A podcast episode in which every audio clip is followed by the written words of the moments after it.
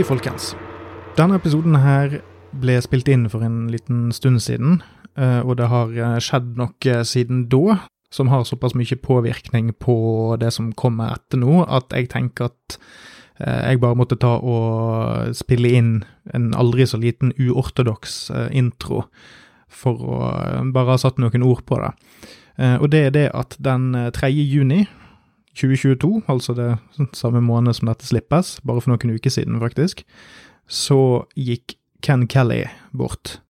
Han, eh, de som hører på showet, har, eh, har et visst begrep om eh, hvem det er, og hans rolle i spesielt disse Man War-episodene er ganske stor, og kommer til å bli større og større for hver nye episode som kommer. Så jeg hadde bare lyst til å ta et lite øyeblikk og bare ta av hatten og skinnbuksene og egentlig alt annet som kan tas av for å hylle noen. Eh, for eh, denne mannen hadde langt større påvirkningskraft eh, på folk enn det jeg tror blir anerkjent. Både av rockemagasinene og av subkulturen generelt. Ken Kelly var jo kjent for, hovedsakelig kjent for å ha malt to av Kiss sine mest kjente albumcover, eh, og Rainbow, eh, et veldig kjent Rainbow-cover. Eh, men for meg så vil han alltid være Manwar-kunstneren over alle Manwar-kunstnere. Fra 1987 og til hans død så var han Manwar sin hovedmann for omtrent alt av visuelle ting. Uh, både DVD-cover, albumcover, uh, ulike EP-cover, uh, turnéskjorte. Og jeg er litt usikker på om jeg hadde sittet der og hatt dette showet uh, i dag om det ikke var for den mannen der, fordi et av mine aller første bevisste musikkøyeblikk er faktisk visuell, og det er en gang tidlig på 90-tallet så husker jeg at jeg så opp på veggen til, på soverommet til broren min og så Triumph of Steel coveret som han malte, og eh, det coveret fremstår fremdeles som et av de hardeste visuelle inntrykkene jeg har uh, tatt til meg i relasjon til musikk noensinne. Uh, og jeg vet ikke om en maler eller kunstner eller tegner, om du vil, som har så til de grader klart å fange elementene av musikken han skal prøve å visualisere gjennom kunstformen sin. Uh, jeg har ikke så mye mer å si enn det, men uh, jeg ville bare sørge for at det ble sagt, og at både hatt og skinnbukse er tatt av for anledningen, og uh, det er bare å løfte opp hva enn du har i glasset, om det skulle være alkoholholdig eller bare koffein eller GHB, og ta en støyt for gode gamle Ken og uh, så håper vi at han koser seg uh, godt i Valhall. Nok melankoli, nå setter vi over til vår vanlige planlagte sending.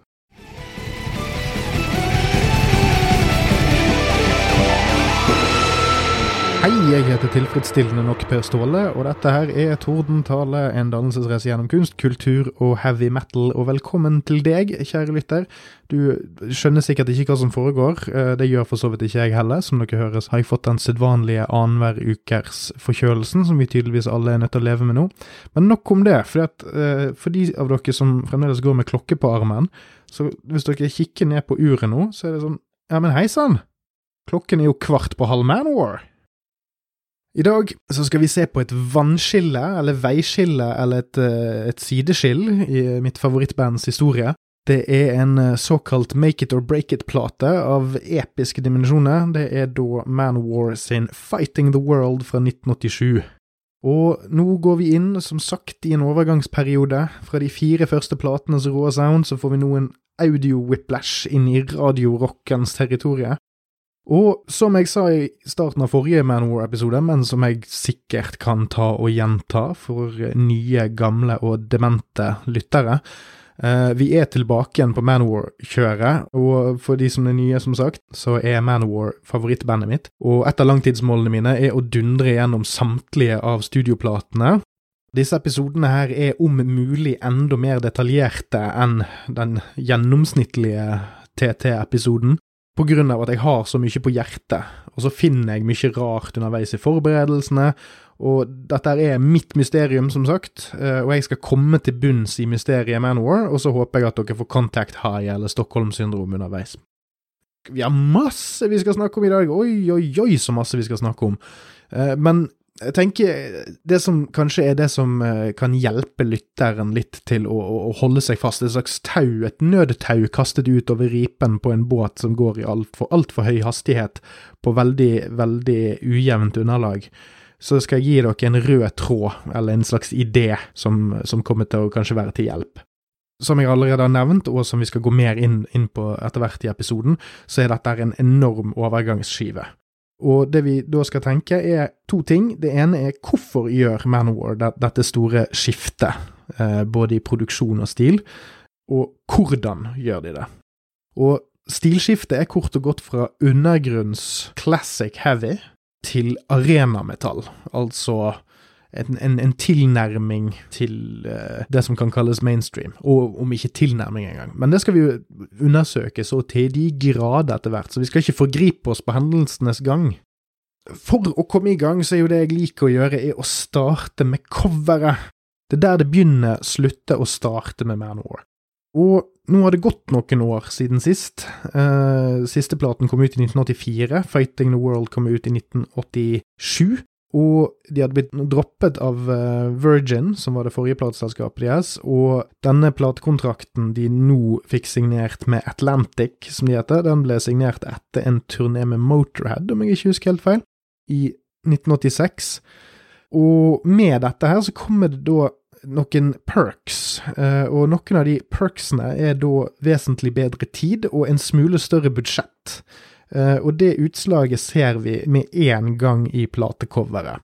De av dere som er mer glad i eh, litt, litt, softere rock, eller litt mer klassisk rock, kjenner kanskje til en kar som heter Ken Kelly.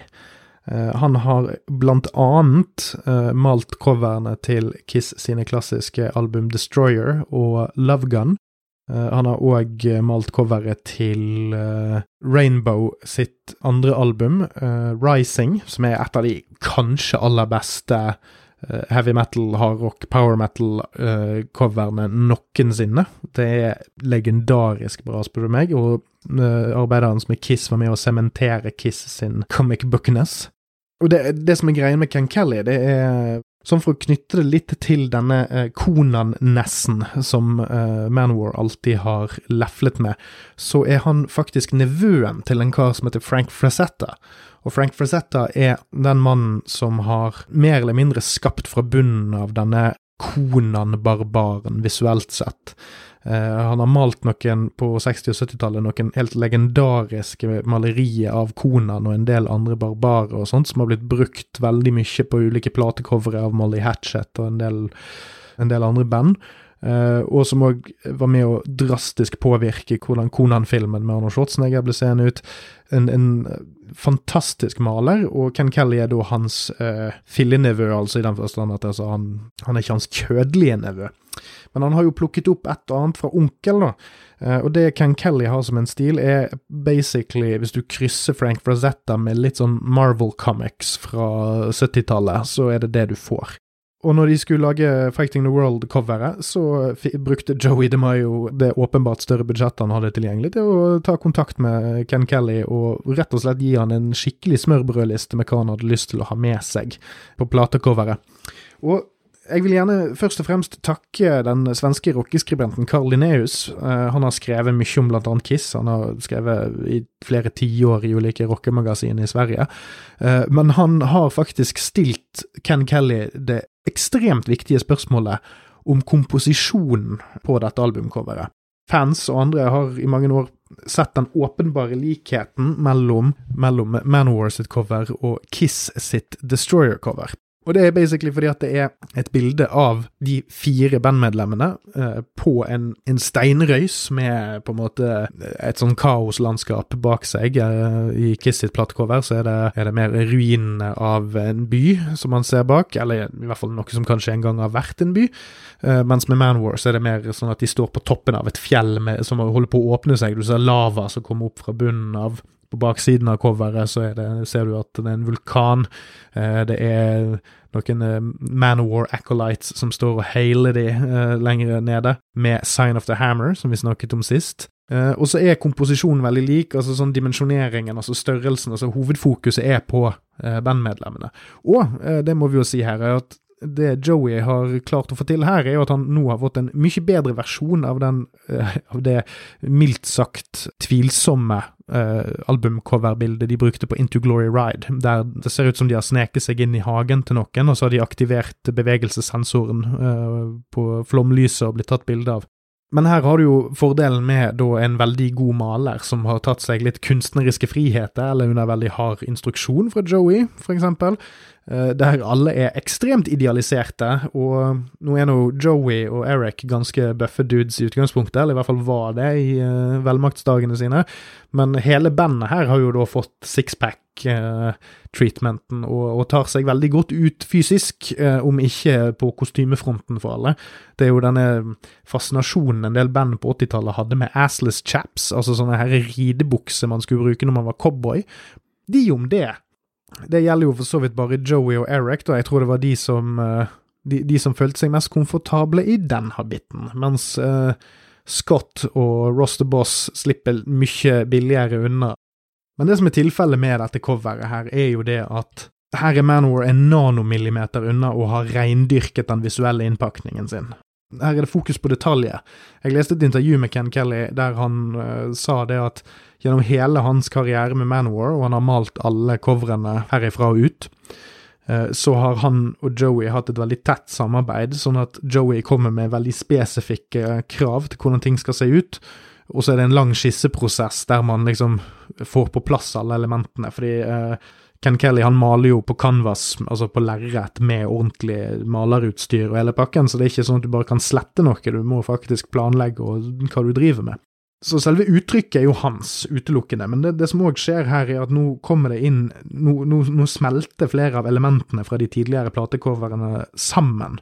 Og det kommer òg til å fortsette herifra og ut, det at hvert platecover eh, har referanse til tidligere plate og til tidligere sanger, tidligere, og så er det en del elementer som blir inkorporert her.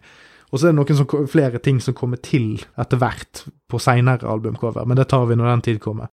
For eksempel så har Eric, Joey og Ross på seg en variasjon av en sånn enten en medaljong eller en beltespenne med en ørn på. Og det kan man da knytte tilbake til det som eh, Hail to England-krigeren hadde på seg. Så der har du en, en, en tilknytning til 1984, Eric viser Sign of the Hammer, altså denne salutten som, eh, som Manowar-fansen bruker, som på en måte er bandet sin eh, versjon av å vise djevelhornen og sånt. Altså det er bandet sitt eget, eget symbol. På venstre side av coveret så er det en hammer, uh, altså en slags uh, basic Torshammer-aktig greie, som ser ut som en realistisk versjon av Sign of the Hammer-albumcover-hammeren. Eh, på høyre flanke så har vi Fogelsverdet som vender tilbake. Altså dette sverdet med ørnevinge og eh, ørneskaft på, eh, som, kan, som både er med på Battle Hymns-coveret på baksiden der, og som denne Hail to England-krigeren har på platecoveret.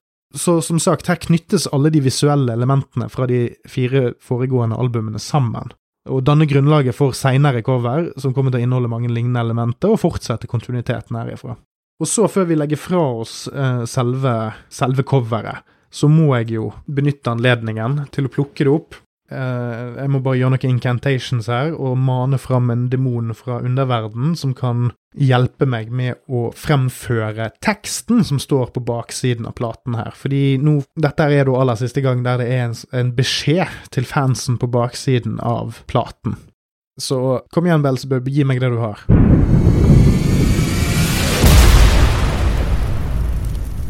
He who refuses to take part in modern mediocrity will forever stand alone, an outcast. He is the bringer of change, changes that instill fear in all who go with fashion's flow. Power comes from others, not from within. They are false. Woe unto them, for the bringers of change have banded together. The time is now. We cannot be stopped. We are riding up riding hard on the will of the people. The battle rages. Choose your side. Death to false metal. Forever fighting the world.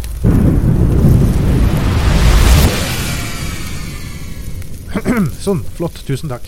Sånn, nå når vi først har fått studioet fri fra demonske entiteter, så kan vi jo ta det litt personlig her. Eh, jeg har jo da intet mindre enn fire versjoner av denne platen foran meg nå. Det ene er en uh, nyutgivelse av uh, vinylen fra 2017-ish. Og så selvfølgelig, som den pedanten jeg er, så måtte jeg jo spore opp uh, 1987-versjonen for å høre om den hørtes litt bedre ut. Og så har jeg jo da min gode, gamle butikkjøpte original-CD, som jeg brukte til å uh, pumpe meg opp før innspilling. Og så har jeg en samleboks som kom ut nå i 2020-2021-ish. 2020, tipper jeg. Som heter Black Wind, Fire and Steel, The Atlantic Albums. Eh, som er de tre albumene som Manowar eh, gjorde for Atlantic.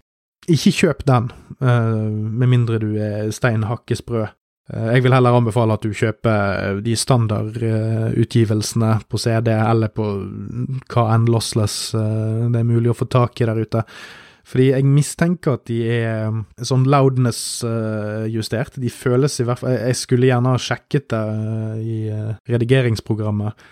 Men de, det føles som om de er ampet, og det er for så vidt greit nok. Jeg, jeg, ikke, jeg er ikke så veldig jeg, jeg, la ikke merke til om det ødela dynamikken, men det virker som om de i hvert fall er dyttet opp noen hakk. Men det er òg det at de kommer i sånn jævla pappinnpakning, disse CD-ene, som gjør at du ødelegger de når du skal trekke de ut. Du klorer de opp hvis du, ikke, hvis du har kattenegler, eller du fetter de til med cheese doodles-fingrene. Det er bare styr, og jeg innser jo nå når jeg sitter og snakker om dette her, at uh, dette er jo et problem som forsvinnende få av dere mest sannsynlig kommer til å ha, men nå, dette er ting jeg har å slite med, så da må dere slite med det òg, tenker jeg. Mitt forhold til denne platen er at det er et av mine første kjøp. Uh, så jeg har nevnt tidligere, så er liksom Kings of Metal, Triumph of Steel og Fighting the World er de som er mest tilgjengelige på grunn av at de er på et stort plateselskap. Uh, så Triumph var det første jeg kjøpte, så kjøpte jeg Kings of Metal, og så kjøpte jeg denne. Så sånn sett så må dere bære med dere at dette her Altså, det er jo tilfellet alltid med disse Manowar-episodene, men kanskje litt ekstra i denne omgang, er at det er en stor dose velvilje fra min side, men jeg skal gjøre mitt beste for å jevne det noenlunde ut. Det er samme besetning eh, som sist. Det er Scott Columbus på tromme, det, det er Ross the Boss på gitar, Eric Adams på vokal og Joey DeMayo på bassgitar. Eh, ymse forskjellige åttestrenger og piccolo-basse og bellhop-basse og eh, resepsjonsansvarlig basse. Manwar er satt opp som eneste produsent, og så er det en fyr som heter Jason Flom. Han ble faktisk senere chairman i Atlantic Records. Uh, han har òg tidligere jobbet for Virgin, så jeg lurte på om det kanskje han kjente bandet derifra. Men det jeg fant ut seinere, er at han var en A&R-mann på denne tiden. Altså, det betyr vel noe sånt som Artists and Repertoire. Uh, så det er rett og slett en, en talentspeider han var på denne tiden her. På mystisk vis så greide jeg å få tak i en gammel jeg, jeg, tror det var en skann av en, eh, en, gammel utgave av Kerrang, men ifølge den infoen jeg fant der, så var det sånn at Jason Flom så bandet live, og dro til hjemmestudioet deres og, og, fikk høre demoene de hadde lagd på egen hånd. Og så betalt, sørget han for at de fikk penger til å spille inn to demoer sammen med Eddie Kramer, og for de av dere som er like opptatt av Kiss som meg, så klinger jo det navnet kjent. Det er jo da mannen som har produsert alle tre Alive-platene til Kiss, og Rock'n'Roll Over og Love Gun. Han har òg jobbet med Anthrax og Jimmy Hendrix og en haug med andre folk. Jeg tror han har jobbet med Han har òg vært engineer på en hel haug med plater med kule folk på. Så de produserte to demoer, Blow Your Speakers og Courage, og ved, ta, ved, bruk av de så klarte de å få en platekontrakt med Atlantic. Man skulle jo trodd at Eddie Kramer kunne lagd et veldig bra uh, Manowar-album, men uh, det kan hende at han var for pricy, for at, altså, selv om Manowar fikk ganske bra studiotid og sånn, så kan det godt hende at de tenkte at hei, kanskje vi får litt mer bang for our buck dersom vi gjør det sjøl. du kan få gjort mye med en uh, engineer. Eller så kan det hende at Joey er en så jævla drama queen at han ikke orker tanken på at noen skulle komme inn og fucke med greiene hans, så det er litt varierende der. Men uh, de av dere som er litt mer Manwar-fantaster, vil jo ha plukket opp det at uh, jeg nå sa Blow Your Speakers, som er en av uh, låtene på albumet, og Courage. Courage er ikke med på denne platen. Og det er òg to andre låter som nevnes i, dette, i denne avisartikkelen som jeg snakker om. Og det er da Courage, og det er Brothers of Metal og Number One som demoer, som journalisten har hørt, ser det ut som i teksten. Men ingen av disse kom med på platen. Uh, det fins en demo av Brothers of Metal uh, som er tilgjengelig på YouTube. Jeg har aldri klart å finne en versjon av Courage eller Number One fra 86. De skal finnes, men jeg tror ikke de Altså, de er ikke tilgjengelige på standardstedet. Og jeg skulle gitt mye for å høre de, fordi Brothers of Metal er en litt sånn pussig ditty. Fordi de av dere som er Manwar-fantaster, de har jo plukket opp at, og vet kanskje allerede, at uh, disse tre låtene kom med på Louder Than Hell-platen, som kom ut ti år seinere, i 1996. Uh, det er jo da i drastisk endrede versjoner, antar jeg, i hvert fall basert på den Brothers of Metal-versjonen jeg har hørt, som er mye nærmere, av åpenbare grunner, uh, stilen til Fighting the World.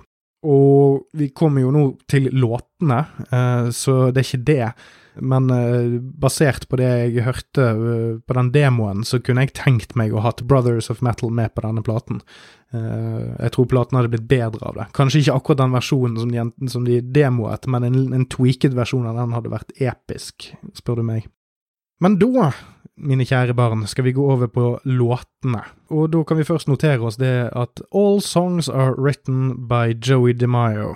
Så dette er altså det første albumet der Joey er oppført som den eneste med writing credit. Ross the Boss er ikke kreditert på en eneste en av disse låtene, og det merkes. Eh, det merkes veldig. Uh, og en rød tråd i disse episodene her har jo vært, for min del, å, å, påpeke det at ja, men et band er mer enn writing credits og bla, bla, bla.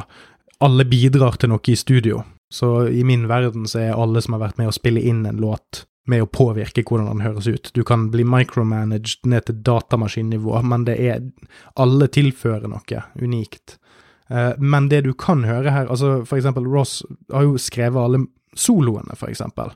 Uh, men det, er, det, du merker, er at han er, han er lengre vekke fra riffene, og lengre vekke fra låtstrukturen, og lengre vekke fra resten av, av verket. Det er verdt å ha med seg i bakhodet når vi ruller gjennom dette her. Uh, fordi dette her er starten på uh, et uopplyst enevelde, er det vel enkelte som vil kalle det. Men uansett så er det et merkbart skifte, og nå skal vi se på hvilken måte det slår ut. Ok, første låt, Fighting the World. Og her merker man at det har skjedd et og annet i Manwar-land. Altså, jeg vil råde alle lytterne mine, i hvert fall de fire av dere som uh, liker Manwar, å gå tilbake igjen til siste låt på Sign of the Hammer. Det er da Guyana, som er en av de mest atypiske Manwar-låtene fram til denne platen. Og så setter du på den, og, og lytter på den og hører på hvordan Manowar har på en måte formet musikken sin og lagd noe unikt og, og virkelig gått ned i materien og, og gjort Lagd et verk, rett og slett. Og så, akkurat når den er ferdig, så setter du på Fighting the World og kjenn på whiplashen. Denne låten her, den starter med arenatromming, altså Og etter at du får den arenatrommen mot deg, så følges det av et strømlinjeformet riff, og følges igjen opp av et enormt allsangrefreng. Uh, Joey uh, spiller et sånt chugga-chugga bassriff, og eh, markerer en drastisk overgang i tilnærmingen sin til bassen som et rytmeinstrument. Altså, det er jo ikke sånn at Manowar nødvendigvis har vært de største virtuosene i verden i måten de har strukturert ting på tidligere, men det som har vært tilfellet før, er jo det at Joey ofte har spilt veldig gitaraktig i kompet. Og det gjør han jo tidvis her òg, men det er at dette er første smaken på det som kommer til å være en veldig standard måte for Manowar å bygge opp en låt på. Altså en veldig sånn altså en, veldig, en, veldig, monoton basstone, en veldig, en, som, som mer er med å bygge en base enn det er med på å nødvendigvis alltid drive, drive låtene på samme måte som med en mer riff-basert tilnærming. Når det er sagt, så er det fremdeles unikt. Altså, det, er ikke, det, er en, det er en sound her som ikke, ikke, er så veldig tilstedeværende hos en del andre band. Uh, men det er mer det at det er et så drastisk skifte i variasjon som inntreffer her. Uh, når det er sagt, så er det masse variasjon seinere, men det er det at det, no, no, her, her, er det en ny status quo. Altså hvis du I de tilfellene der uh, man er i tvil, så går man tilbake igjen til denne stilen med bass. Uh, og så er det alltid en serie med unntak, uh, og på dette albumet. Men det er, dette blir på en måte en klassiker, om dere eh, skjønner hva jeg prøver å komme frem til. Og Denne chuggingen den er med under versene, og så er det power chords fra gitaren. Og her snakker vi om rimelig enkle tre-fire akkorders riff. Og som jeg sa innledningsvis på denne seksjonen her, så er det merkbart at Ross ikke deltar i skrivingen. Men det er spenstig og drivende og soloen er veldig leken og kul, uh, med en varierende bassriff i bakgrunnen. Uh, Brekket er òg chuggete. Men Eric Adams, mine damer og herrer, her er han i sentrum som bare helvete, og man merker en skarp økning i talent. Eh, kanskje spisset ytterligere av at bandet tar en annen retning, og det er bedre innspillingsalbuerom enn det de noen eh, gang har hatt. Men dette er starten på en formkurve som bare tiltar over de neste fem årene. Noe av Eric Adams sin aller beste synging ligger på dette albumet. Eh, det skal bli bedre, men samlet sett over karrieren så er vi nå inne i en, en, ny, en ny æra. Det er fremdeles autoritet, det er attack, det er virtuositet i vokalen, men her har han òg virkelig funnet en, en sound og en Altså, her er han trygg. Han har alltid hørtes bra ut på de forrige platene, det er ikke det, men her, her er han, vokalisten i Manor. Han er ferdig. Han er, han, er, han er steikt ferdig i ovnen og klar til servering. Og over årene så er det, er det, den selvsikkerheten som han leverer med på denne platen og denne låten, den er der alltid, samme med hvor mye alderen har på en måte tatt uh, toppene av hva han kan levere, så er denne selvsikkerheten som denne platen demonstrerer, den ligger her. Altså, jeg bruker litt tid på denne låten, men det er òg fordi at det er den første på platen, og den, den signaliserer da denne endringen som vi har uh, lagt litt opp til innledningsvis. Denne låten er kommers av et annet helvete, men fy helvete som den svinger. Altså, det er en, det er en arenarocker. Det er chuggende, det er stor allsang på refrengene. Det er veldig stort og tøft. Men samtidig så blir vi utsatt for gaslighting. Fordi her, her hører vi at bandet har tatt en drastisk endring nærmere mainstreamen. Men når vi ser på teksten, så synger de fighting the world every single day, fighting the world for the right to play heavy metal. In my brain, I'm fighting for metal because it's here to stay.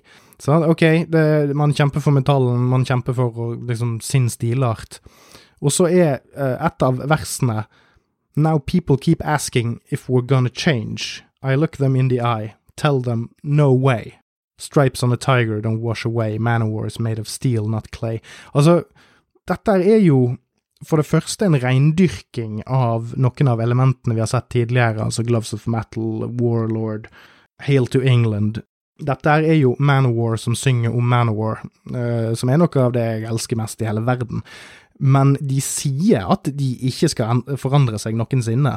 Det er det de synger. Men det du hører, er jo det stikk motsatte. De har jo Hva, hva er det de har gjort? Altså, dette er, det er, dette er sangversjonen av når du holder en unge som er mindre enn deg. Du holder hendene hans og slår han i trynet med deg, og så sier du uh, 'Hvorfor slår du deg sjøl i fjeset?' Hvorfor slår du deg sjøl i fjeset? Det, det er så reinspikket løgn at jeg blir imponert. Og nå høres jeg jo i overkant kritisk ut, og jeg har prøvd å få fram jeg liker dette. Dette her er veldig gøy, dette her er veldig nice, dette her er en sang jeg kan høre fire ganger på repeat. Så we're off to a flying start på mange måter, men samtidig så er det òg uh, an omen for things to come. som vi da ser på uh, spor nummer to, Blow Your Speakers, som er en klassisk rocker. Og om den ikke er sonisk lik We're Not Gonna Take It av Twisted Sister, så er den tematisk inspirert av den. Altså det er, det er Og hvis man ser på musikkvideoen de lager der, så er det òg veldig inspirert av Twisted Sister sin musikkvideo.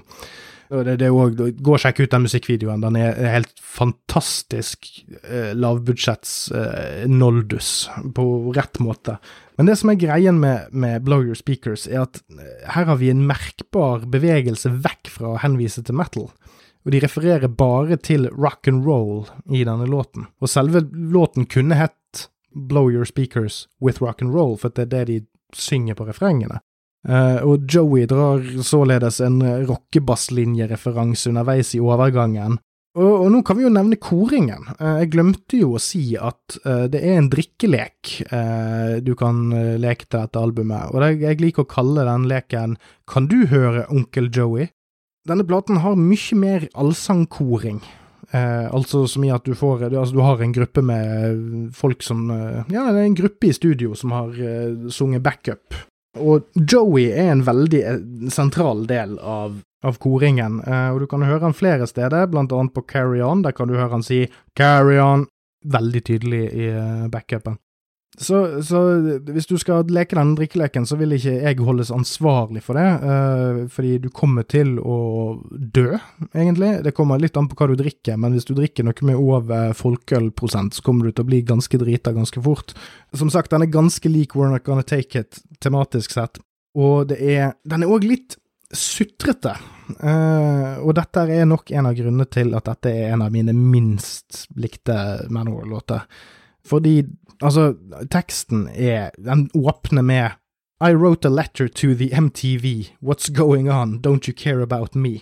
Så hele låten handler om at mainstreamen ikke har lyst til å spille Manowar på radio, eller rock and roll på radio. Og det, er, det som er så pussig med låten, er at det, det, virker som om det er en låt som er skrevet for at foreldrene til Manowar-fans skal få lyst til å kjøpe et Manowar-album til ungene sine. For dette er ikke musikk som Manwar-fans nødvendigvis er tilbøyelig til å like i utgangspunktet. Jeg har ikke hørt at folk hater denne låten eller noe sånt, men dette er ikke en låt som høres ut som en Manwar-låt som har blitt lagd før eller siden. Så dette er singelen deres, som plateselskapet skal få til å ha noe å pushe. Eh, det er ingen annen grunn til at denne låten eksisterer. Alle referanser til heavy metal er vekke det er veldig basic. Altså, det, det, som jeg sa, det er en, det er en veldig rockeorientert låt. Altså, den, den, er bygd opp som en standard rockelåt. Dette her er Manowar for folk som ikke liker Manowar.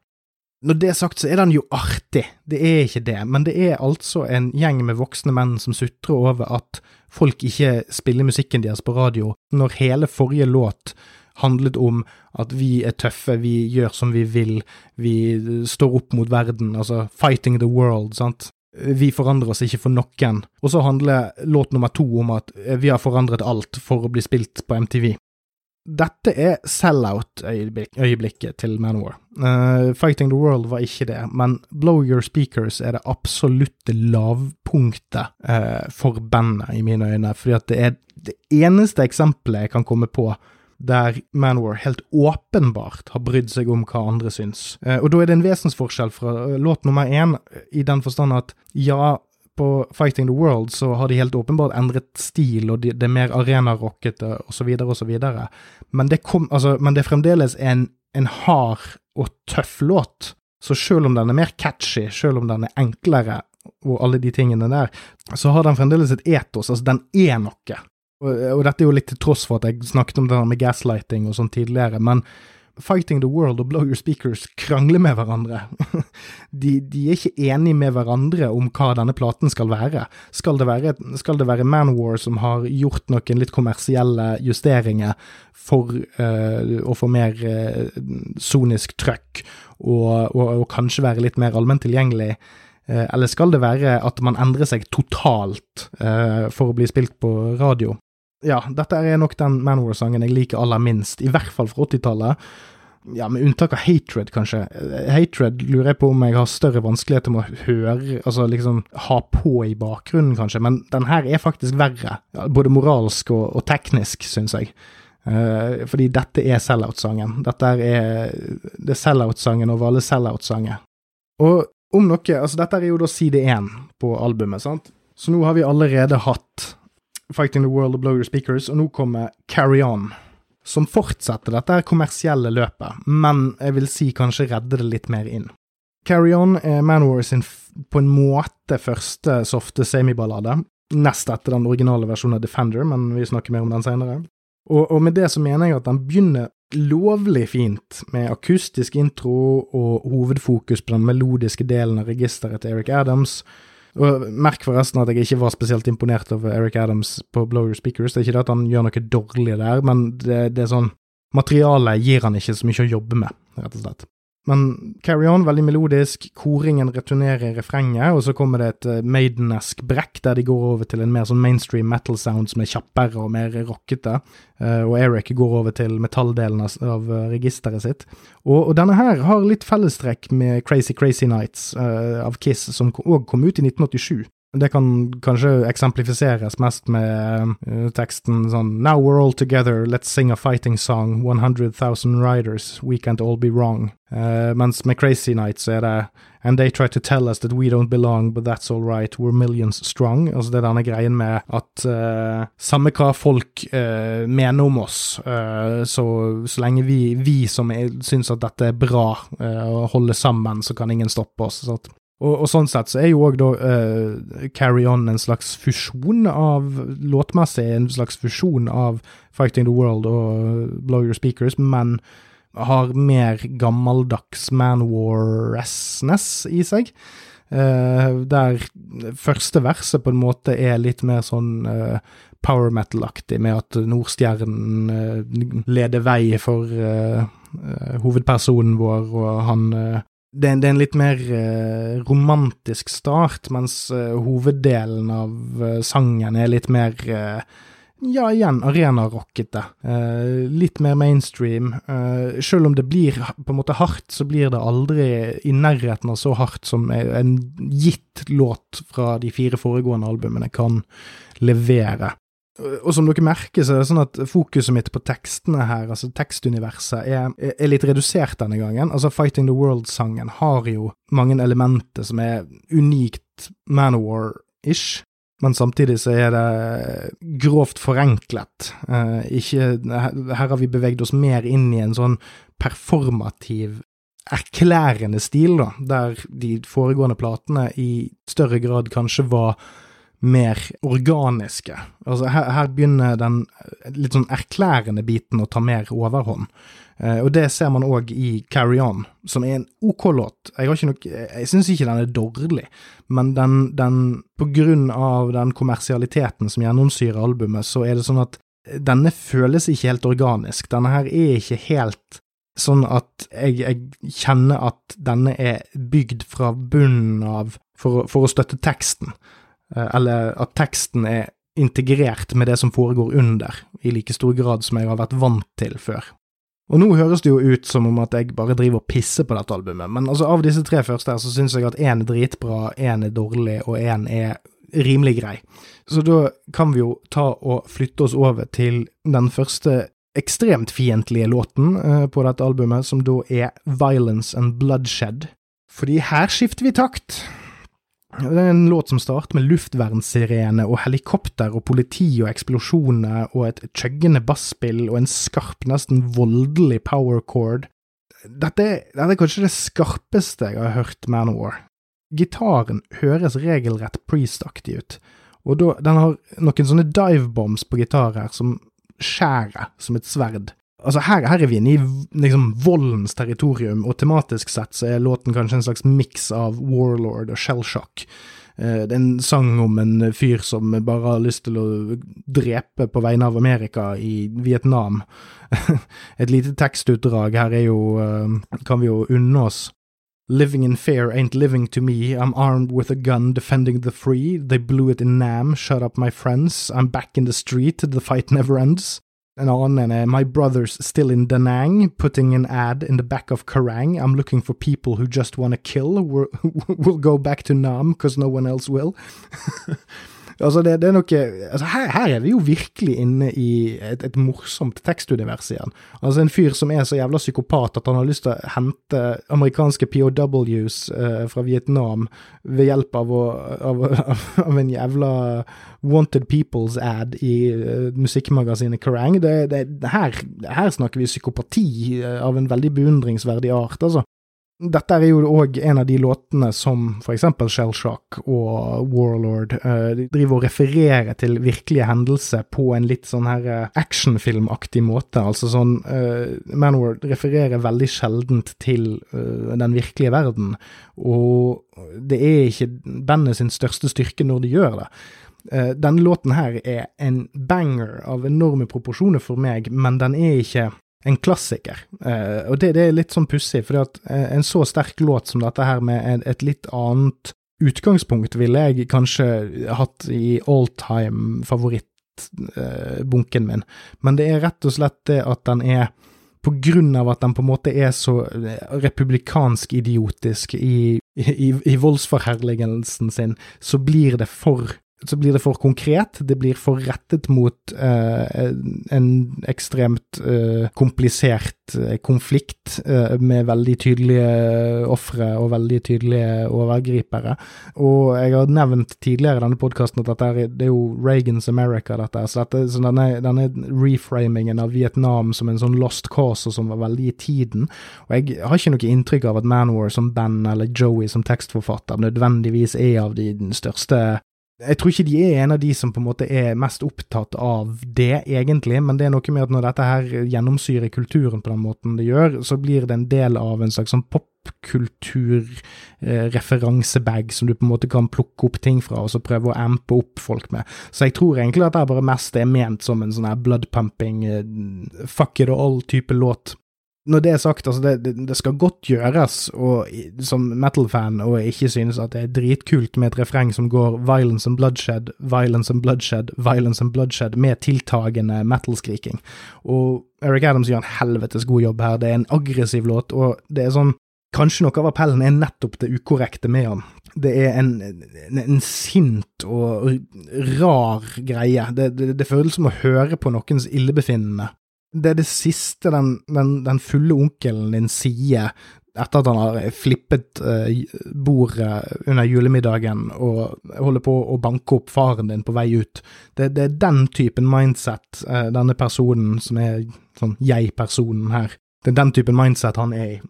Vokalmessig maktprestasjon, stor produksjon, er, her, her hører du pengene bli brukt i studio. Men, men, igjen, som jeg sa, eh, et stykke unna å være en all-time classic på grunn av de litt sånn kompliserte delene her. Og da flipper vi platen til side to og skal snakke om Defender. Her kommer da Orson Wells, mannen som introduserer Manor hver kveld på scenen, over tape fra andre siden av graven. Uh, han spilte jo inn Dark Avenger uh, på Battle Hymns, men under de samme sessionsene så spilte de òg inn uh, en tekst som het Defender, og de ga faktisk ut en demoversjon, eh, eller en singelversjon av den i 1983, men den kommer vi litt tilbake igjen til etterpå. Så den låten kom ikke ut på Battle Hymns, men da året etterpå. Eh, og, det er en slags duett mellom den gamle store og Eric. Så herfra og ut på side to så er vi på mange måter tilbake, sånn back on track med en true metal-tilnærming. Så nå har vi Violence and Bloodshed på en måte setter punktummet for den kommersielle siden av albumet, og nå er vi over på side to, som er der jeg mener bandet finner den kommersielle formen sin, som de kanskje rotet litt vekk på side én.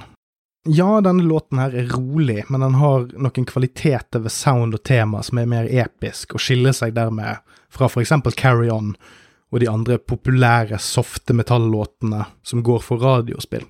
Og dette har startet med en ganske sånn Dette kommer sikkert fra at det òg da er spilt inn opprinnelig i 83, eh, men det er i hvert fall en, en rolig, eh, veldig fin melodisk bassmelodi som går i bakgrunnen der. Og da er eh, Orson Wells er en far som forteller at sønnen er nødt til å plukke opp hans kall til å forsvare de svake etter hans død. You're the defender God has sent, er en del av, uh, av premisset. Eh, og så kommer Eric inn med et svarvers, og så avslutter de sangen med et refreng der, med, med noen refrenger der Wells og Eric på en måte synger en duett. Og dette er jo spoken word fra Orson Wells, så den duetten er på en måte en sånn Den har ikke sånn call and response nødvendigvis, men den har uh, Det var på en måte Eric Adam som synger på en måte i bakgrunnen og sammen med han, og på en måte tolker ordene som Orson Wells på en måte overleverer til sin sønn. Orson Wells sin seksjon er på en måte et brev til sønnen sin som han leser etter at faren har gått bort, og på en måte finner ut at han er nødt til å følge kallet til sin far. Og det er sånn Det er ikke verdens mest fantastiske, gripende låt, sånn sett, men jeg syns det funker dramaturgisk. uh, og Orson Wells har en veldig god delivery her, egentlig, som jeg syns gir en del patos. Uh, som ikke sier så rent lite om talentet til den mannen der, for han satt mest sannsynlig og leste det på noe dasspapir som teksten nettopp hadde blitt skrevet ned på. Uh, og i bakgrunnen her så har vi General Van Klebren uh, Philharmonic Keyboards Et orkester som eneste andre credit jeg finner Altså, General Van Klebren Philharmonic er da et orkester som eneste andre credit jeg finner på Discogs, og nettsøk er på Kingdom Come fra Kings of Metal. Det låter veldig bra. altså Det, det, det er såpass bra filharmonisk uh, strengspilling her at uh, det, det, høres nesten ut som det beste keyboardene du kunne få kjøpt i 1986. Låten er som sagt kul. Uh, Singelversjonen har en mye råere sound. Og så vidt jeg vet, så er den tatt opp under Into Glory Ride-sessionsene, men da som sagt med opptak fra Battle Hymn Sessions. Um, første del med Orson Wells har litt annerledes rytme, og Eric sine biter er mer naturlig nok lik stilen fra den æraen. Um, du hører òg at de har kanskje hatt litt kortere tid med takes og sånn, fordi deliveryen er bra, men den er ikke like på en måte laserfokusert som det Eric leverer på resten av denne platen. Uh, originalen er røffere, litt hardere og rett og slett mer metal. Uh, Gitarsoloene har òg en hel ekstra seksjon som har blitt fjernet fra remaken. Uh, og så For å ha en uh, kommentar på det med gitarsoloer, så er gitarsoloene til um, Ross the Boss de er jævlig tøffe på dette albumet, men det er ganske merkbart at de har en mer tilmålt tid, som en konsekvens av denne kommersialiseringen av produktet. Så det er sånn at noen ganger så føles det som om at de de stopper for tidlig. At de ikke på en måte får det ekstra pusterommet for å, for å levere det. den siste ekstra linjen som virkelig kunne gjort ting fantastisk. Men det tenker jeg er mer en konsekvens av formen som er valgt her. Eh, det som er på platen, er tøft. Det er bare at for Hadde de lagd denne platen tre år tidligere med dette budsjettet, så hadde vi nok sett en, en helt annen form på disse låtene. Det kan nok skyldes mange ting annet begrensningene med et stort plateselskap og alle de kravene som kommer der, eh, kommer derfra. Eh, men òg det at musikklandskapet endret seg ganske fort og drastisk mellom 1984 og 1987. Altså det er, det er faktisk et helt annet marked eh, på plass nå. Altså, det gikk faktisk to år uten at Manor slapp en studioplate. Uh, Basslinjene er ganske like i begge versjonene, og finalen er rimelig lik. Den har et mer sånn punktum med at de synger sånn Defender, bom, ferdig. Uh, men da uten General Van Klibren Philharmonic, uh, som da ikke var tilgjengelig i 1983 som for å se hvilken av disse her som er best, så tenker jeg at når man har vokst opp med 1987-versjonen, så føles originalen som et slags førsteutkast, men for min del så kan det jo kort og godt handle om eksponering, og at man henger seg opp i visse grep og valg som ikke nødvendigvis sier noe om kvaliteten til originalen. Jeg har rett og slett ikke hørt originalen mer enn kanskje fem-seks ganger gjennom hele livet, mens jeg har hørt Defender sikkert hver eneste gang jeg har spunnet denne platen. Så det er, det er litt rått parti, sånn sett. Da vi jo på låt nummer seks, Drums of Doom. Den varer bare i litt over et minutt. Og det er en instrumental. Det starter med en hestegalopp mot lytteren. Så, så hører du en sånn jakthorn eller battlehorn. Eh, blåsing i bakgrunnen, lyn og torden, og så kommer krigstrommene og en gong, det er ganske kult trommespill her, for all del, men det er, dette er egentlig bare en glorifisert intro til neste låt. Uh, så jeg tenker at vi skal bare skippe uh, mer snakk om denne filleren her, og bare gå over til en av platens bangers, nemlig Holy War. Uh, der har vi en glidende overgang fra forrige låt. Her er det, det er en sånn ting som popper opp når uh, albumteknologien ble mer uh, strømlinjeformet på 80-tallet. At plutselig så begynner låtene å skli over i hverandre fra en track til den neste. Jeg får jo òg legge til, det glemte jeg jo å si innledningsvis, men dette er jo et av de første heavy metal-albumene som har blitt spilt inn digitalt. I nyere tid så har det vel kommet fram, eller blitt mer opplest og vedtatt, at det var Judas Priest som var først ute med Turbo året før. Som for så vidt kunne vært en helt egen episode med analyse om hvordan et annet metal-band virkelig prøver å bryte igjennom til uh, det neste nivået. Men etter denne glidende overgangen så kom vi over i en sånn demonisk chant fra Eric. Som er, altså Her hører vi de har utnyttet eh, studiofiltrene til fingerspissene. En sånn demonisk chant, altså en drivende, uh, subtil bass, på sett og vis. Og her nå har vi begge beina plassert beint ned i Manowar-land. For her synges det om å utføre hellig krig mot de vantro. Å, så gøy det. Det, det er òg litt sånn subtil og kul syntbruk i bakgrunnen som skaper en ganske kul atmosfære på de rolige partiene. Fordi låten begynner litt sånn uh, lavmælt og, og, og, Altså, låten kan nesten beskrive, altså introen på låten kan nesten beskrives som liksom at, at en gruppe med mennesker sitter og chanter uh, en eller annen slags religiøs inkantasjon før de skal ut og myrde motstanderne sine. Det er et stort Manowar-refreng her, og med koring.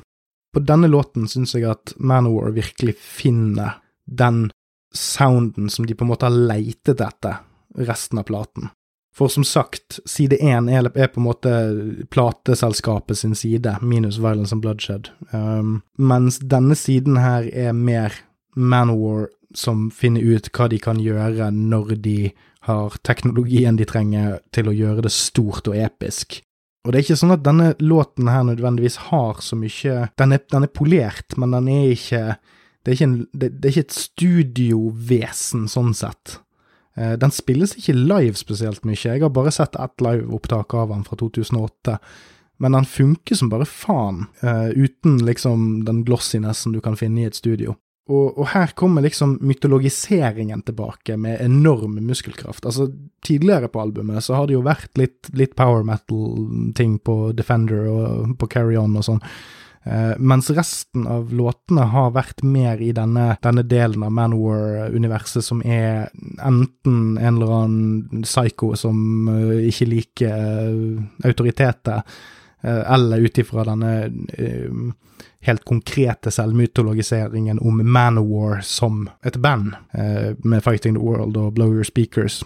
Mens, mens, her så kommer den liksom ekte mytolo mytologiseringen tilbake, for denne låten handler jo òg, som de alltid gjør, om Manowar, men i overført betydning. Altså her eh, nevnes ikke liksom bandene nødvendigvis, men de synger for eksempel Brothers of Metal, No No Masters, uh, Metal is our religion, take it to the grave. Sant? Så her er det Denne hellige krigen utføres jo av de som liker metal, og true metal.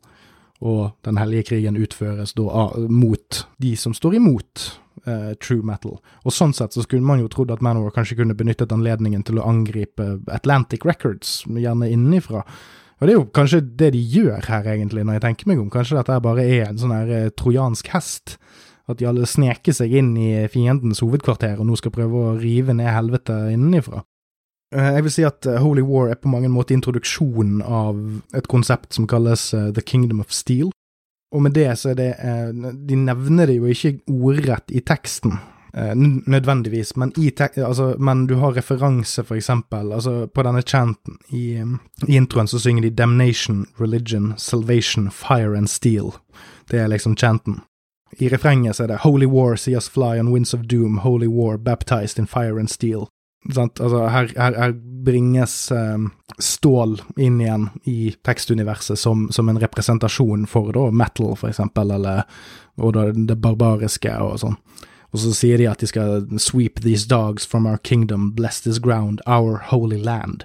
Så derfor trekker jeg inn Kingdom of Steel, for det er et begrep som Manwar kommer til å bruke gjennom ulike tekster, men òg bare visuelt seinere, Uh, og, og, The Kingdom of Steel det, det, er aldri konkretisert som noe uh, sånn håndfast, uh, men det, det, virker som om det er noe som Manowar bruker som en referanse til metal-landskapet sangene deres foregår i. Det er ikke nødvendigvis et fysisk sted, men et slags sånn hjemland eller hvalhall der metallen hører hjemme, og den skal forsvares med alt vi har. Det er med det jeg mener at de virkelig finner formen sin her, for her, dette er arenametall men med Manwar-attitude og med eh, et, et Manwar-etos, med et Manwar-tekstunivers. Altså, her, her, leker de seg med, med alle, alle, midlene de har tilgjengelig. Det er en drittøff solo som leker seg fram og tilbake og bygger en crescendo som bærer låten opp på et nytt platå til siste refreng.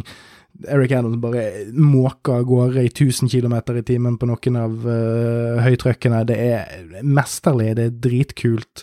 En glemt klassiker, vil jeg si trekker han fram, han høyt. Fantastisk låt. Så er det spor nummer åtte, Master of Revenge. Det er det samme som med Drums of Doom. Det er egentlig en glorifisert intro til siste låt. Det er en sånn brå overgang fra Holy War, med dommedag-sound og en skrikende intro av Eric, og så ler han ondt mot slutten etter å ha sunget Black Dogs Howl in the Night, The Lion, The Lion is Dead, A Solitary Messenger, The Master of Revenge som er ganske mange ord å bruke på å si filler, men det skal ikke jeg legge meg borti. Så da skipper vi videre til niende og siste låt, Black Wind, Fire and Steel. Og du verden, du verden, du verden, du verden, for en overgang. Vi måker over fra Master of Revenge til at Joey spiller i 180 km i timen, og her er vi inne på platens soleklare klassiker. Denne her har jo da blitt en staple live helt siden den ble spilt inn, og det er med rette. Jeg liker Holy War enormt mye, jeg syns den er grovt undervurdert og alt det der, men her, her er, her er vi så i mål som det er mulig å komme. Fytt i helvete for en låt dette her er. Det er nok en selvrefererende fantasy-låt. Altså, som jeg har sagt tidligere, Black Wind det er da lyden som anlegget til Manor lager når det slås på. Eller når liksom bass, altså gitaren, liksom, eller susingen i, i lydanlegget. Og så handler det jo selvfølgelig om en hevner eller en slags antihelt som knuser all motstand. Det er ingen konkret referanse til Manwar, men det er åpenbart at dette er forsvareren til det hellige landet fra Holy War, og kanskje på noen måte Defender. Men er, nå, nå, er vi, nå, er vi, virkelig plantet inn i sverd- og sandale-sjangeren. Eh, Altså, introen er helt konge. Dette er en sånn låt som der Eric Adams eh, både kan brife med, med, med, fart, og nå mener jeg da i, i artikulasjon. Uh, altså at han synger ord veldig fort. Når jeg sier denne teksten uh, beint fram, Full moon light is calling me, My kingdom lies within, the mystic soul and lion's heart brought by the talisman.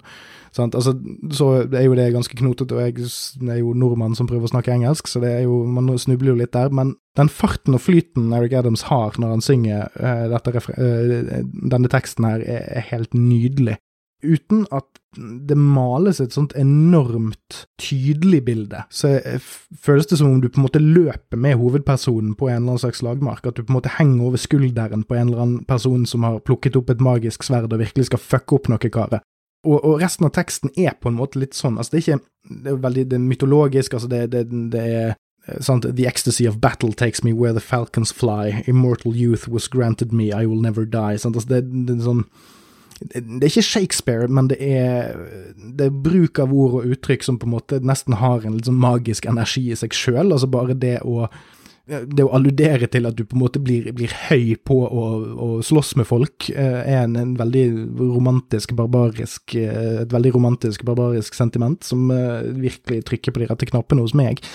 Og det jeg prøver å komme frem til, er at denne denne låten er ikke så jævlig konkret på liksom hva kampen handler om, eller hva som faktisk foregår. Det er mer en serie med, med veldig spissede setninger om hvor jævlig badass denne fyren her er. Altså, han har på en måte blitt utsatt for enorm, uh, enorm motstand, men likevel så er han overlegen. Uh, han uh, destruerer fiendene foran seg uten å svette. Um, han, han, er aleine, han er ikke Det er ingen som støtter han. Han er Introen til refrenget I am an outcast on the path of no return, punisher and swordsman, I was born to burn. Black wind always follows where my black horse rides, fires in my soul and steel is on my side. Og så er jo refrenget Born of black wind, fire and steel. Om og om og om igjen. Og, og, og, når jeg leser opp disse tekstene, så vet jeg at det høres teit ut. Jeg vet at det høres uh, noldus ut når man fjerner det fra all musikken, og at det Dette er, jo ting som folk som kritiserer Manor, kan plukke ut av kontekst og se 'herregud, se på dette, dette er ikke musikk, dette er ikke lyrikk, dette er bare en serie med rare ord satt, om ikke i sammenheng, så etter hverandre'. Og jeg kan være tilbøyelig til å være enig når du fjerner det fra kontekst. Eh, men så er det jo sånn at musikk lages ikke isolert eh, fra alt annet. Eh, tekster er ment til å bli fremført til en viss form for komp. Og dette her er en låt som er så til fingerspissene sylkvast satt sammen for at hver eneste setning skal understrekes av akkurat det som er rundt den. Det som, det som er hoveddrivet på denne låten, er Joey som spiller dritfort på én eller to strenger eh, på bassen sin, mens eh, Eric Adams synger eh, versene, og så kommer, er det et enormt stort refreng. Eh, alt her er skvist ned til akkurat det det trenger å være. Denne sangen her er Det, det er som å få 100 haymakers i trynet på en gang og du elsker det. Eh, det, det er det, det, Jeg sliter litt med å, å, å, virkelig understreke hvor ekstremt tøff denne låten er. Og nå er du jo igjen med forbeholdet om at du liker denne musikken, selvfølgelig. Men når jeg sier at det, at det, er på disse to siste låtene, altså Holy War og Black Wind, at de virkelig finner formen, så er det dette jeg snakker om. Det er nå, no, Black Wind Fire and Steel er en låt som Manowar ikke kunne lagd i 1984 fordi de hadde ikke tatt de grepene for å lage den. Altså, denne kontante, destillerte lokomotivet av en låt kunne kun blitt lagd under sessionsene til Fighting the World. Og det er en god ting, fordi refrenget er gåsehudfremkallende, for å ikke snakke om skrikeverset fra Eric etter soloen. Fytti helvete så bra. Her snakker vi oppbygging og payoff. Altså, låten sette opp ting som den payer off seinere. Du får en versjon av uh, enkelte setninger tidlig i låten, og så får du en heavy metal-versjon av den litt seinere. Du får en metal-versjon først, og så får du en heavy metal-versjon til slutt. Den er ganske enkel, og den bygger på et enkelt premiss. Pøs på med alt du har av kraft. Her er det ingen subtile gitargrep som gjelder. Her skal det eksploderes hodeskalle, og det skal vi så til de grader òg. Spill denne låten høyt. Spill den lenge, spill den for oldemoren din, sånn at hun blir 40 år yngre, og du kan ta henne med på dans. Jeg vet ikke hvorfor du skal ta henne med på dans, men det kan hende at oldemor hadde syntes det var bra. Hun hadde sikkert likt det. Gammeldans. Oddvar Torsheim. Felespill. Sørg for at hun er anstendig kledd. Hvor var jeg henne? For å prøve å runde av dette helvete her. Eh, nå er vi ferdig. Dette er siste låten. Den totale spilletiden på dette albumet er 34 minutter og 48 sekunder. Jeg skjønner jo at de kanskje trengte litt filler for plateselskapet sin del. Jeg syns at de to instrumentaltrackene der, de ødelegger litt det som egentlig er en jævlig kul andre side. Eller ikke ødelegger, men de trekker eh, Momentumet forsvinner en smule. Det er ikke så merkbart når du setter deg ned for å, å på en måte nyte albumet i sin helhet og sånn, men hvis du, hvis du bare har lyst til å sette deg ned og høre på albumet, eh, på bussen eller whatever, så er det skip. Og så, når jeg da er ferdig med det, så er det hva er, Så må vi på en måte liksom finne ut hva, hva er dette her for noe? Hva er dette albumet? Hva, hvor skal vi henne? Og det som skiller seg litt ut her, er at denne platen her Det er et markert veiskille fra Sign of the Hammer. Og det, det, er flere ting som kommer inn på denne platen som kommer til å være stayers seinere. For eksempel så gjør koringen sitt store inntog her. Altså denne her call and response-preget som veldig mange Manowar-album og låter kommer til å bære preg av seinere. Det kommer opp her. Og det, det er en, en, en, konsekvens av denne arena-rock-dreiningen de har. Eh, og så er det flere låter som fader ut her enn tidligere.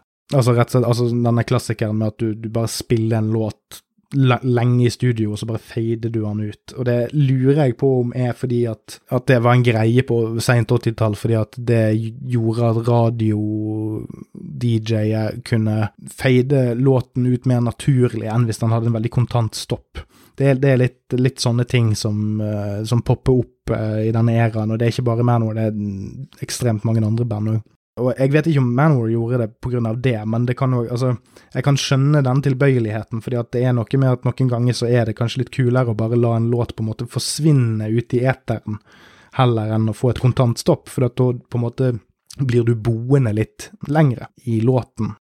Så jeg har lyst til å snakke litt om noen styrker og svakheter her. Altså, produksjonen er ganske god. Det er, det er et godt produsert album, men er litt, det er litt tynt. Det er ikke så enormt mye Buttermand, for eksempel. Som igjen er veldig vanlig for måten miksingen og mastringen blir gjort generelt på denne tiden, så det er mer en konsekvens av æraen enn noe annet. Og nå har bandet tatt steget opp fra undergrunnen og, nærmere mainstreamen, så det, det, er bare en konsekvens av uh, business, tenker jeg. Det kommer stadig flere vokaleffekter inn på denne platen, altså sånn rett og slett uh, ulike filtre som blir lagt på vokalen. Det er mer koring, som sagt. Det er mer atmosfæresound, altså mer, mer synt i bakgrunnen, eller general von Schneiders uh, Philharmonic Orchestra, som vi snakket om tidligere. Så det, det er rett og slett et, et band som leker seg litt med pappa sin datamaskin, og ser hva som skjer. Uh, det er ikke nødvendigvis negativt, men det er sånn at du Dette er et barn av sin tid i, i større grad enn de fire forrige platene. Kanskje nettopp fordi at er, her er det plutselig en mye større verktøykasse tilgjengelig, og da blir det veldig merkbart. Uh, og så er det jo da strømlinjeformingen av Manwar-sounden. De kommer aldri til å høres så kommers ut igjen, men de grepene de tar på denne platen, kommer til å følge bandet herifra ut. Uh, det vil komme komplekse saker seinere. Se eksempel til Triumph of Steel, som vi skal ta en gang uh, i løpet av det neste året. Men lærdommen bandet henter ut ifra denne platen, er at nå er det less is more som gjelder her finner Manwar på en måte en, måte å kondensere, eller konsentrere, styrkene sine ned til liksom et slags minste minimum, og så syns jeg altså, Og så er det litt i varierende grad hvorvidt de greier det på denne platen, men med de to siste låtene som jeg har snakket om, så finner de en måte å gjøre det på, og den lærdommen kommer de til å bruke videre. Jeg tror at bandet gjorde denne endringen fordi at de hadde erfaring under beltet til å se hva som funket live, og empet det opp til 11 på denne platen. Det, det, er nok definitivt et ønske om å slå gjennom kommersielt her, noe de òg til en viss grad gjorde de kommende årene, om enn i begrenset omfang. Men det er jo igjen dette med at det er klare referanser til radiospilling på både Fighting the World og Blow Your Speakers, og sånn sett så er den, denne feilingen i å bli et Twisted Sister, Judas Priest-aktig band en del av DNA-et til bandet herifra ut. Etter denne platen her, så er de stolte av å ikke være mainstream, siden media åpenbart ikke har peiling på hva som er bra, som da er Manowar. Så de henter med seg denne litt sånn eh, denne kommersielle lærdommen, altså en mer en, en cleanere sound, eh, mindre teknisk, mer pompøs, mer kontant, mer hardtslående, men de baker samtidig inn at dette her, dette her er ikke mainstream. det er Manowar blir aldri Metallica, og det vet Manowar veldig godt. Selv om de alltid har lyst til å bli større, men de kommer aldri til å så til de grader inngå kompromiss om sin egen sound igjen. En annen ting man må huske på med dette albumet, er at det på mange måter er et forsøk på å relansere Manowar i Nord-Amerika. Fordi de hadde, altså Bortsett fra Battle Hymns, så var nesten Altså, de tre neste platene var nesten ikke tilgjengelige i USA. Nesten. Det var liksom ikke så ekstremt lett å få tak i disse platene. Eh, de hadde klart seg bra i mange år i Europa og skulle fortsette med det, men de tre forrige platene var notorisk vanskelig å få tak i. Eh, så man kan se på Fighting the World som nærmest en, en reboot Uh, det var mange som ikke hadde hørt om bandet før, så hvorfor ikke prøve noe nytt? Uh, og, og, som jeg har vært inne på, så holder bandet utrolig nok på sin ukommersialitet sjøl i det kommerse. Altså, dette er ikke sånn med et hederlig unntak her og der på platen som jeg allerede har snakket om, så er det fremdeles en attitude i, i bunnlinjen her som er veldig inngruppeorientert. Og det er denne her fremmedgjøringen, men familiariteten, eller det, det liksom familiære med Manowar, som alltid har vært de sin største styrke og største svakhet. Altså, det er noe som er fundamentalt Et fundamentalt hinder. Hvis du ikke kommer deg over denne, dette rare imaget og dette rare verdensbildet de projiserer, så spiller det ingen rolle hvor eh, tilgjengelig musikken er, eller hvor catchy den er, eller hva, hva enn det er. Det, er. det stopper der. Uh, og på samme vis så kan jeg òg Fordi dette er jo òg et, et, skille der veldig mange metal-fans stempler ut. I hvert fall metal-fans som ikke er svorne Manor-fans.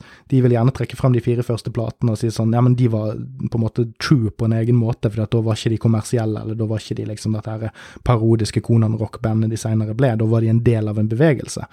Så samtidig så er det òg da et veiskille der. Innad i på en måte the brotherhood of metal. Men det er jo det som skjer, eh, eller det som gjør uh, Manowar så utrolig fascinerende, fordi at det er det, det som skjer når du, når du, konsentrerer en fanbase så mye som dette. Det, du, først har du fjernet de casual-fansen som syns det er for vanskelig å sette seg inn i uh, dette rare, litt sånn kontante heavy metal-universet, og så samtidig så har du støtt fra deg disse heavy metal-puristene som mener at dette blir for klovnete. Så sitter det igjen en, en en ganske stor, men i det store bildet ganske liten gjeng med rabiate blodfans som har funnet sin greie. Og den, den gruppen hadde nok ikke blitt så rar og så iherdig fanatisk hvis det ikke var for skjebneåret 1987. Ja, jeg har jo vært ganske streng med denne platen her nå, og jeg må si at med unntak av The Lord of Steel, så er det nok kanskje den Manowar-platen jeg liker minst. Uh, og kanskje nettopp på grunn av de tingene jeg har nevnt med disse sell-out-øyeblikkene sine, og at det er, det er for Det er rett og slett et litt usikkert album. Men når det er sagt, så har den flere bangers. Fighting the World, Holy War, Black Wind Fire and Steel, Defender er bra. Violence and Bloodshed har mye å by på. Altså, det er ikke Så det er sånn Når du lister opp problemene, så virker platen dårligere enn det den på en måte egentlig er når du bare setter deg ned for å hygge deg med den. Det er en veldig lett tilgjengelig plate dersom du har sansen for det, selvfølgelig. Den, den er en breeze å høre på. Det er bare det at den er det er kanskje det Altså bortsett fra da igjen uh, The Lord of Steel, så er det det albumet som er minst koherent, syns jeg. Det, det, det, er et album som krangler med seg sjøl. Uh, eh, og det er ikke et problem jeg har med andre Manor-plater. Uh, man kan mene noe om på en måte at det kunne vært bedre, eller du kunne gjort andre ting og sånt, men dette er et album som, som ikke Det er ikke en, en, en komplett pakke. Uh, og igjen, det er et band som er i en endringsfase som kommer til å påvirke det for resten av karrieren, så det er naturlig nok. Så blir det litt sånn. Men det er òg en viktig plate, som jeg har sagt. Uh, den er begynnelsen på noe og slutten på noe annet. Uh, sånn sett så er det en ganske unik plate som kan lære deg ganske mye om og som kanskje lærte Joey en del om hva som er Man Wars sine største styrker og største svakheter. Og man kan òg si, helt avslutningsvis, at det òg fungerer som en blåskisse for albumet som kom ut året etterpå, nemlig Kings of Metal, som vi skal snakke om neste gang klokken er kvart på halv Manowar. Så jeg får bare si tusen takk for at dere har båret med meg gjennom uh, en av mine regelmessige psykoser, og så får dere ha en fantastisk jihad videre.